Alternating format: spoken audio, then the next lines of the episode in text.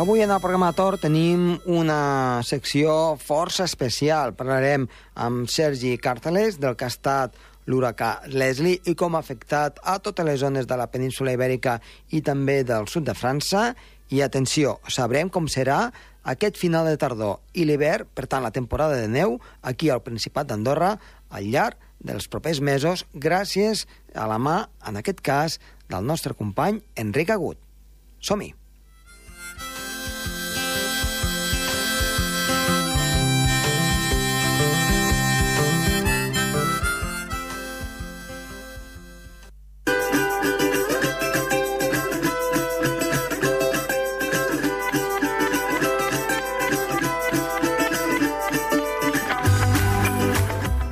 Iniciem el programa i anem a connectar, en aquest cas, amb Sergi Carceler. Sergi, molt bona tarda.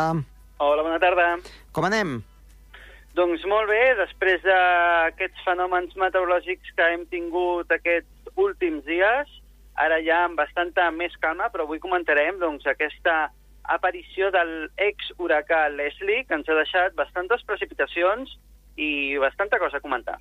Doncs vinga, anem a, anem a comentar perquè, déu nhi eh? Tenim, tenim tec aquí per, per, per doncs, distreure'ns una, una bona estoneta, perquè sembla que no, però ha donat de sí aquest huracà i després ex-huracà. Doncs sí, és que és, bueno, va ser un huracà que es va produir a l'Atlàntic, va creuar, per exemple, a les Canàries, també les Azores, i va arribar a la península Ibèrica, concretament per la part de Portugal, el dissabte i ja va arribar, quan va tocar terra ja era una tempesta tropical. Va deixar la seva força una mica enrere, però sí que va produir molts problemes, sobretot a Portugal, eh, cent milers de centenars de cases doncs, sense electricitat, molts problemes, moltes inundacions, i després van anar creuant tota la península ibèrica fins a arribar al Mediterrani i Andorra. Aquí ja no com a tempesta tropical, sinó com a depressió. És ja eh, estava ja molt més fluixa, però bé, igualment, encara que estigués molt més fluixa aquest ex-huracà, eh, s'ha de dir que va deixar valors molt elevats de pluja i, déu nhi també les ventades, i és que es van arribar a valors de 100 km per hora per la zona del Mediterrani. Pluges intenses, i per exemple, aquí a Andorra van caure valors per totes les parròquies entre 70 i 80 litres per metre quadrat, i el grau roig van arribar a valors de 100 litres per metre quadrat al, di, al dia de, de les precipitacions, uh mhm, -huh, de déu aquestes pluges. Sí, sí, aquest, aquest passat. Entre el, que, entre el que era la matinada doncs, de, de diumenge a, a dilluns, eh, quan va començar doncs, a, a impactar tot el que és la cara sud del Pirineu, i amb aquesta xalocada, no?, eh, que déu nhi també, com va afectar totes les costes mediterrànies. Sí, després altres punts, com per exemple Catalunya, la zona sobretot del Gironès, de Girona, la província de Girona, eh, van haver molts problemes, moltes inundacions, cases completament inundades, trasters també completament inundats, rius col·lapsats, i a prop d'aquí, d'Andorra, a l'Urgell, doncs es van enregistrar també pluges molt fortes, de 125 litres per metre quadrat, per exemple, a, a Organyà, també a la l'Urgell, a, la, a la seu d'Urgell, i, i la veritat és que, bé, eh, serà un episodi bastant a recordar, però sobretot el punt on més ha quedat afectat pel, per aquest ex-huracà, que tenia encara molta força fins i tot sense ser huracà, va ser a Carcassonne, aquestes notícies que hem tingut doncs, que va deixar més de 12 morts a, a les proximitats de Carcassonne, doncs també per aquests rius que es van, van quedar col·lapsats, aquestes rieres, que van produir moltes destrosses i allà sí que bé, hem hagut de lamentar doncs, tantes morts. I mira que això ja estàvem parlant del dilluns dimarts, quan aquesta depressió en principi ja estava perdent força. Però bé, eh, bé és, un, és un cas bastant estrany a comentar, sí que, si recordem, l'any passat també va haver un huracà que es va voler aproximar a la península Ibèrica, però en aquest cas teníem a sobre un anticicló eh, de bloqueig molt fort que el que va fer va ser que llisqués aquest huracà cap al nord i anés cap a les Illes Britàniques. En aquest cas no hem tingut aquest anticicló i llavors doncs, eh, l'huracà o aquest huracà ha pogut entrar tal com ha volgut. Però bé, eh, ara hem d'esperar i haurem d'analitzar si realment eh, tornarà a haver episodis d'huracans ara més freqüentment del que abans pensàvem. I és que abans, quan escoltàvem el tema d'huracans als Estats Units, sempre ho veiem com un cas llunyà. I ara potser ja no ens queda tan llunyà i també hem d'investigar el per què és que ara hi ha huracans que, més de moure's cap a, cap a l'oest, doncs es desplacen cap a l'est. També és potser que tenim poques dades, eh? perquè, clar, um, no tenim dades de, de fa mil anys, però, però sí que potser des de fa 500-600 anys sí que hi ha registres de, de tempestes fortes a, a moltes zones. Potser és més usual del que ens pensem. Eh, usual en el temps de que tingui un període de retorn, potser, eh, de 50 o 100 anys. Podria ser. Podria ser. Sempre també ara s'hauria d'investigar no, la, el, el proxidata que se li diu, uh -huh. aquests documents antics de, bé, dels monjos, no?, de l'època del segle XV, XIV, XIII... Que, perquè, clar, parlaven de, uh, de Lisboa i de Portugal que des del 1800 i escaig que no passava una cosa així, vol dir que ja havia passat. Sí, clar. Evidentment ja, ja havia passat, potser amb el, com hem parlat, no?, d'aquests cicles que té la Terra, uh mhm. -huh. doncs potser havia hagut una pausa de 100, 150 anys, i ara, com cada cop el planeta Terra cada cop està més calent i segurament els oceans també, doncs és possible de que ara tornem a una nova dinàmica on aquests fenòmens doncs, no siguin tan estranys mm. uh, aquí que, a casa. El que potser no, no hem de fer és extreure conclusions errònies, no? Perquè suposo hi ha molts uh, periodistes que de seguida eh, extreuen conclusions que, que no venen al cas, no? Ja t'imagines de quin tipus de conclusions uh, estic parlant, d'aquestes doncs, una mica sensacionalistes. Sí, sempre ven més. Aquest, el sensacionalisme sempre, sempre ven molt i hem de, ser, hem de ser bastant cuidadosos amb aquest tema perquè no, no val la pena espantar la gent per, per, per, aquests, eh, per aquests fets. Evidentment, eh, hem tingut pluges molt abundants i no han estat a causa d'huracans, també. No, però eh, fixa't bé, eh? sí que és eh, un exhuracà que ha arribat al, perdó, al Mediterrani, però l'únic que ha fet és una ha estat una borrasca amb, amb, amb vents de xaloc i hi ha un nucli fred, per tant una borrasca normal i corrent, és potser una mica potent, però de tantes que hi poden haver i que, evidentment, cada tardor i moltes primaveres al Mediterrani, si no és un lloc o un altre, causa desgràcies. I si no és a, a França, si no és a Espanya, és a Itàlia o és, sí. a, o és a Grècia. Eh, sí. I això cada any, cada any succeeix, per tant, és una cosa habitual. Per tant, sí. no és perquè sigui un ex-huracà que això no hagi tingut que passar. L'únic que ha ajudat, evidentment, que ja, diguem-ne, eh, ja teníem la salsa feta. Sí, Saps? sí, sí.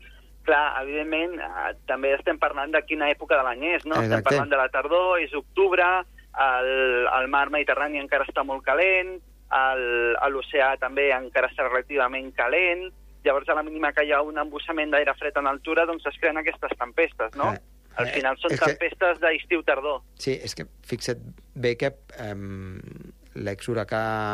Uh, Leslie? No Leslie, l'altre Mitchell? El Michael, sí. El Michael, el Michael, exacte. Eh, no sé quantes víctimes mortals ha causat, però són molt similars a les que hi ha hagut a França. I sí, sí, sí. una cosa és unes tempestes, l'altra és un, un huracà. Per tant, no hem de menys tenir la força del que passa a la Mediterrània, que a vegades diem, ah, si són tempestes i tal, i no passa res, però sí, sí que passa. Igual o més que, que no pas que hi hagués un huracà. A la fi, els resultats són els mateixos, eh? Sí, sí, sí. També estem parlant de, quan estem parlant d'huracans que venen cap aquí, estem parlant d'huracans de força 1, de categoria 1. Uh -huh. Sigui, estem parlant d'huracans, però són huracans relativament petits. Ja si vingués un huracà de categoria 5 ja parlaríem d'una altra cosa, no? Clar. Però tampoc... Aviam, és, és dificilíssim que pugui passar això aquí, perquè les condicions climàtiques no es donen. Així que quan venen aquests huracans de categoria 1, quasi quasi és com una depressió molt forta, que causa pluges, però pluges que hem arribat a tenir aquí nosaltres. El que passa és que eh, no estem, eh, jo crec que no estem preparats encara a pluges així tan torrencials, perquè com són pluges que passen un cop cada dos, tres, quatre anys, doncs no, jo crec que no, no preparem bé les infraestructures encara per poder mm, tenir aquests fenòmens sense cap tipus de perill. Doncs sí, doncs sí aquesta, aquesta és, la, és la qüestió. També es volies comentar una mica doncs, aquest exhuracà no?, que ens arriba al Michael. Doncs sí, l'huracà Michael també és aquest segon exhuracà que s'ha aproximat. En aquest cas no venia per les Azores, sinó que venia més per les illes britàniques, més o menys per aquella latitud, a, a l'Atlàntic, evidentment, també, i a, el que farà l'huracà Michael és entrar per Galícia i pel mar Cantàbric i també ens portarà certa inestabilitat. Uh, sí que és veritat que aquest huracà no ens portarà tanta inestabilitat com el Leslie, uh Mhm. -huh. ja que arriba encara molt més desgastat. Ja no, està, ja no entra, per Galícia no entra ni com a, com a tempesta tropical, ja entra com a depressió, així que aquí arribarà més dèbil. El que passa és que, bé, esperem aquestes pluges, uh, sobretot ara el dijous i divendres, doncs esperem aquestes pluges doncs, que també seran a causa, doncs, com comentàvem, d'aquest embolsament d'aire fred que tornarà a haver en altura i que tornarà a causar doncs, pluges i tempestes. El que Mhm. passa és que és curiós no? que en tants pocs dies s'hagin ajuntat eh, dos exhuracans. Això sí que és un fet insòlid, de moment, quasi, quasi en, en tota la documentació que tenim meteorològica a la península ibèrica, però aviam Sí. què passa més endavant. Sí, però cal re remarcar això, no?, de que és com si fossin dos, dos borrasques normals i corrents, dos embossaments d'aire fred que van a la Mediterrània i llavors allí la lien, no? Com el que, el que sol passar en aquesta època de l'any. A vegades una mica més al nord, a vegades una mica més al sud.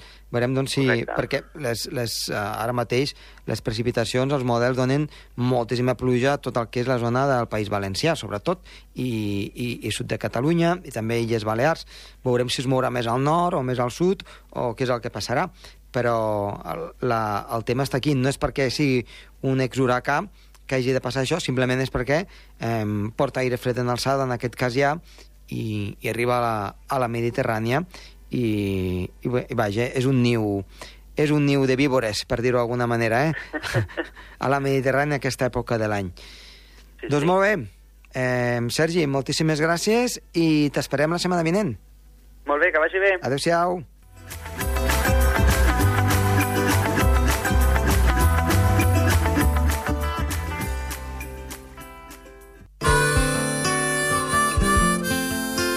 El Torb, amb Josep Tomàs.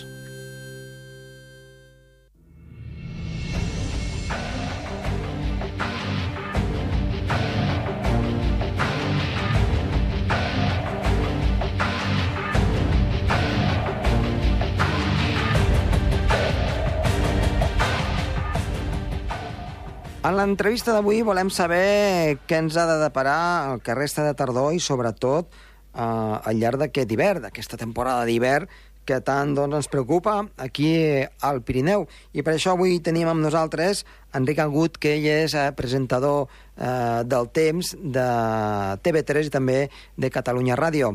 Enric, molt bona tarda. Hola, Josep Maria, bona tarda. Doncs bé, uh, l'Enric és, uh, és meteoròleg i que moltes vegades hem parlat amb ell, també, també aquí al programa Torb. Avui ens agradaria que, que ens parlessis una mica de com ha de ser uh, la resta d'aquesta tardor, però sobretot la temporada de neu, uh, aquí al Pirineu, uh, si farà molt fred, si tindrem neu suficient, què diuen els mapes i també una mica de toc personal, que sempre això sempre ho demanem. Uh -huh. Mira, ja ho saps que, que els, els models que utilitzem, els estacionals, de vegades no es posen d'acord. I, I sembla que de moment per aquest eh, hivern eh, els models que normalment mirem diuen coses bastant diferents. Sobretot pel que fa a les temperatures. Perquè el, el model americà, Uh -huh. que ens mirem sempre, eh, dona unes temperatures un pèl més altes Sí? eh, per eh, el que queda d'any i també per l'any vinent, pel gener, febrer i març. Temperatures lleugerament més altes, no molt més altes, però lleugerament més altes. Això a la, a, la, a la zona del Pirineu, Pirineu, però també a bona part d'Europa. Eh? ja. A bona part d'Europa. Però bé, eh, també va en consonància amb el que estem tenint últimament, que les temperatures eh, que estem tenint ja fa molts mesos Uh -huh. a bona part de- d'Europa respecte a la mitjana climàtica que va entre el, l'any 1970 i el 2000, o en alguns llocs 1980 i 2010, doncs eh, les temperatures que estem tenint cada mes és més alta respecte a la mitjana climàtica. Està passant cada mes a nivell europeu. Per això que aquest model indica que tindrem temperatures lleugerament positives respecte a, les normals, però no és cap sorpresa, perquè cada mes està passant gairebé. No estem tenint pas períodes molt freds, Ja. no, tot el contrari. O lleugerament més càlids o bastant més càlids. En canvi, hi ha un altre model, que és uh, un model que surt a la pàgina de Meteociel, a la pàgina francesa, que indica que els mesos serien una mica més fresquets, una mica més freds, que la mitjana climàtica. I això, per exemple, ho indiquen, eh, ho estic mirant ara perquè de memòria no me'n recordo, ho indiquen més aviat per finals de- d'hivern, val? Uh -huh. més aviat pel març. Això ho indiquen. En canvi, el GFS això no ho indica, i el model americà no ho indica. I veig que sí que hi ha un mes que seria bastant normal, segons el model francès, que seria el gener. Però la resta de mesos eh, els posa també una mica més càlids eh, del normal, Per tant, excepte, excepte a finals de- d'hivern, que serien més freds. per tant, coincidirien una mica eh, en En quan... alguns mesos, en alguns mesos i al final és quan hi ha una mica més de desviació. Uns sí, diuen de més fred, desviació. I altres diuen que continuem amb la, amb la, amb la mateixa tendència. Aquests serien, Sí. diguem-ne, els dos grans models, Sí. no? Una mica que, Sí. que ens indicarien això. I en quant a precipitacions, com... En quant a, en quant a precipitació, el que sí que es veu és que el model americà indica que el mes de novembre Mm. ha de ser un mes de novembre amb precipitacions, amb nevades Sí. i amb pluges que podrien ser una mica més, eh, més abundants del que tocaria per la mitjana climàtica. És a dir, Ja. que podríem estar davant d'un mes que seguiríem la dinàmica d'aquest mes d'octubre, Mhm. amb precipitacions abundants. Després, el model aquest americà, per desembre, encara manté eh, aquesta línia de precipitacions que encara podrien ser generoses. Però a l'arribar al 2019, el que és gener ja seria un mes sec, però bueno, eh, tradicionalment el mes de gener és Sí. un mes anticiclònic, i el mes de febrer el posa normal. Uh -huh. I, i després al març el posa un pèl sec. És a dir, que començaríem molt bé, amb moltes precipitacions novembre i desembre, gener seria un mes normalet, o més aviat, no, seria sec, disculpa, seria sec, Sí? i després tendríem a la normalitat. Uh -huh. En canvi, l'altre model, aquest model, eh, dona, el francès, eh, que el mes de novembre també serà molt abundant pel que fa a precipitacions, però en canvi al desembre, que l'americà el donava que seria un bon mes, aquest dona que serà un mes sec, Ja. un mes sec. Aquí ja sí que ens perdem, eh? Sí, sí, sí, sí. sí. I el gener el dona bastant normalet, i en canvi el febrer també el dona normalet, i al març fa disparar novament la precipitació. Uh -huh. O sigui, el model francès dona molta precipitació per novembre i març.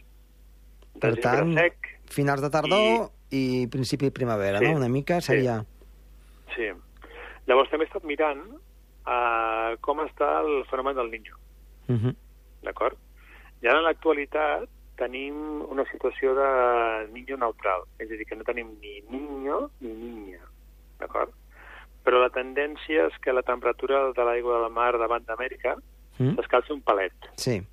Passa que els estudis, el, els, els analistes, indiquen que no ens trobaríem davant d'un niño important, sinó que seria un niño molt, molt fluixet, molt lleuger. Ja. Cosa que per nosaltres és bo. És bo. I per què dius bo. que és bo uh, per nosaltres, un niño fluix? Perquè normalment quan tenim un niño fort, eh, aleshores a Europa els hiverns són molt suaus i de vegades també les precipitacions poden ser en alguns mesos escasses. Però sobretot ens trobaríem davant d'uns mesos suaus, amb temperatures clarament més altes respecte a, a la mitjana, que és Mm. el que ha passat els últims 40-50 anys. Hem tingut alguns niños forts, no gaires, Mm? però hem tingut, i el patró sempre ha estat el, similar. És a dir, hi ha una relació entre niño fort i hiverns molt suaus a Europa, Mhm. poc freds, I poc cosa que freds. tampoc convé. Cosa que tampoc convé. Eh, però no té relació amb la precipitació? Aquí no hi ha tanta correlació. Sobretot amb les temperatures. En temperatura, amb sobretot. temperatures. És a dir, parlaríem de nevades a cotes altes, Ja. de mala qualitat de la neu, Uh -huh. de neu o poca neu a cotes baixes, saps? I a, a, la, difícils. a la zona dels Alps també hi hauria aquesta, la mateixa També, situació, no?, que, també, que hem també. parlat. Sí, ens trobaríem en aquells anys que possiblement fins al gener, a les estacions que no tenen canons de, de neu artificial, Uh -huh. doncs que als Alps no s'hi podria esquiar. Uh -huh. Hi ha hagut alguns anys no?, que hem tingut imatges de, dels Alps sense neu, Sí. a finals de desembre, doncs eh, tindríem aquesta imatge molt possiblement amb Niños Fort. Però aquest any no, no es veu això del Niño Fort. Uh -huh. Per tant, és una bona notícia. És una molt bona notícia. Sí, perquè mm, hem tingut que 4 o 5 Niños Forts en els últims 40-50 anys i, bueno, un el vam tenir fa poc i l'hivern va ser molt suau. Mhm. Però això no es contempla. Es contempla un niño molt lleuger però que no se'l qualifica ni de niño gairebé. Mm, Estem parlant d'anomalies de 7 dècimes de la temperatura al mar. I al, no, al nord d'Europa, fredorades o també mm, hivern càlid o lleugerament superior? Mira, uh, Escandinàvia i... Sí, sí, sí. Crec que recupero de nou el mapa aquest per veure perquè estava mirant les precipitacions Uh -huh. i ara miro l'evolució de les temperatures a Europa realment en amo- a anomalies molt positives. Eh? És a dir, tenim temperatures tant ara al novembre com al desembre molt altes respecte a la mitjana al nord d'Europa. Ja. Sí, sí. Hi ha anomalies positives. De fet, eh, el gener es corregeix. Sembla que el gener serà un mes normal a Escandinàvia, uh Mhm. -huh. a nord d'Europa, però després al febrer torna a tenir temperatures més altes del normal a tota Europa. Eh? Ja. Serà un hivern que no farà pas molt fred si aquests mapes es compleixen a Europa. Ja veurem. De fet, per això van una mica en, en, en conseqüència amb el que podem tenir temperatures una mica més altes del normal. Uh -huh. I ara la, la, pregunta del millor, que sempre doncs, eh, m'agrada eh, fer-te. Mm, Això és una mica doncs, el que diuen els mapes i la teva sensació personal de... La meva sensació personal és que tindrem un novembre, un desembre bojos, Ja. molt bojos, perquè bé, uh, estem tenint un estiu molt mogut, hem tingut un octubre que encara no s'ha acabat i està sent molt mogut, hem tingut un medicane aquí al Mediterrani, ara fa uns dies, hem tingut aiguats, hem tingut uh, també ara fa res, al cap de setmana, la visita d'un ex-huracà en forma ja d'una pertorbació molt activa. Ara aquesta setmana novament hi haurà una llevantada al Mediterrani, que sembla que afectarà sobretot eh, el País Valencià, Castelló, València i Alacant. I bé, eh, sembla que això pot continuar i al novembre ens podria portar, segons els models, una primera entrada de fred a principis de novembre. O sigui, a principi de novembre, després de Tots Sants, Sí? com l'any passat Uh -huh. va passar, podríem tenir la primera invasió d'aire fred ja una mica més important, o sigui, la primera invasió de la temporada i ens podria portar nevades aquí a Andorra. Queda molt, però bé, últimament els últims anys ens estem acostumant que les temperatures no baixen fins després de tots sants. Sí, sí. passat va passar, per exemple. I tant. Sí, i sembla que això, que a finals de mes comencen a haver-hi les primeres erupcions d'aire polar per Europa i alguna d'aquestes ens podria visitar a inicis de, de novembre. Però la meva percepció és aquesta, la meva sensació és que tindrem un final d'any mogut. És a dir, amb nevades, també en períodes de tranquil·litat, però no fa pas pinta que tinguem un anticicló que se situï sobre Centre Europa o sobre la península i que no i que es quedi estàtic, enquistat i que no deixi entrar les pertorbacions. La Doncs- meva sensació és que no anirem cap aquí, sinó que anirem més aviat amb aquesta dinàmica de temps molt canviant, esbojarrat, enruixats, aterrant-se a dies tranquils, cap aquí, em sembla. Doncs, Enric, eh, Tu com ho veus? doncs bé, um, la percepció és una mica la mateixa, eh? eh La mateixa? La mateixa, sí, sí, d'anar cap, a, cap a una situació molt més moguda de, en aquest principi d'hivern i, i finals de tardor, i després, evidentment, al gener una mica d'anticicló sí que podrem tenir, i cap al final doncs, de, de temporada eh, i ens visitaran alguna que altra pertorbació típica de finals d'hivern, inici de primavera, però l'important és ara l'inici, eh, que és, a, és mm. quan, es fa, quan es fa la base. Doncs, Enric, Sí, sí, sí, sí, sí. moltíssimes gràcies i Ah. ja ho saps, quan vulguis, eh, per tornar a estar aquí al programa, amb molt de gust, eh, t'obrirem les portes. Gràcies i fins la propera. Molt bé. Adéu-siau. Espero que sigui aviat. Una abraçada, gràcies. Adéu-siau.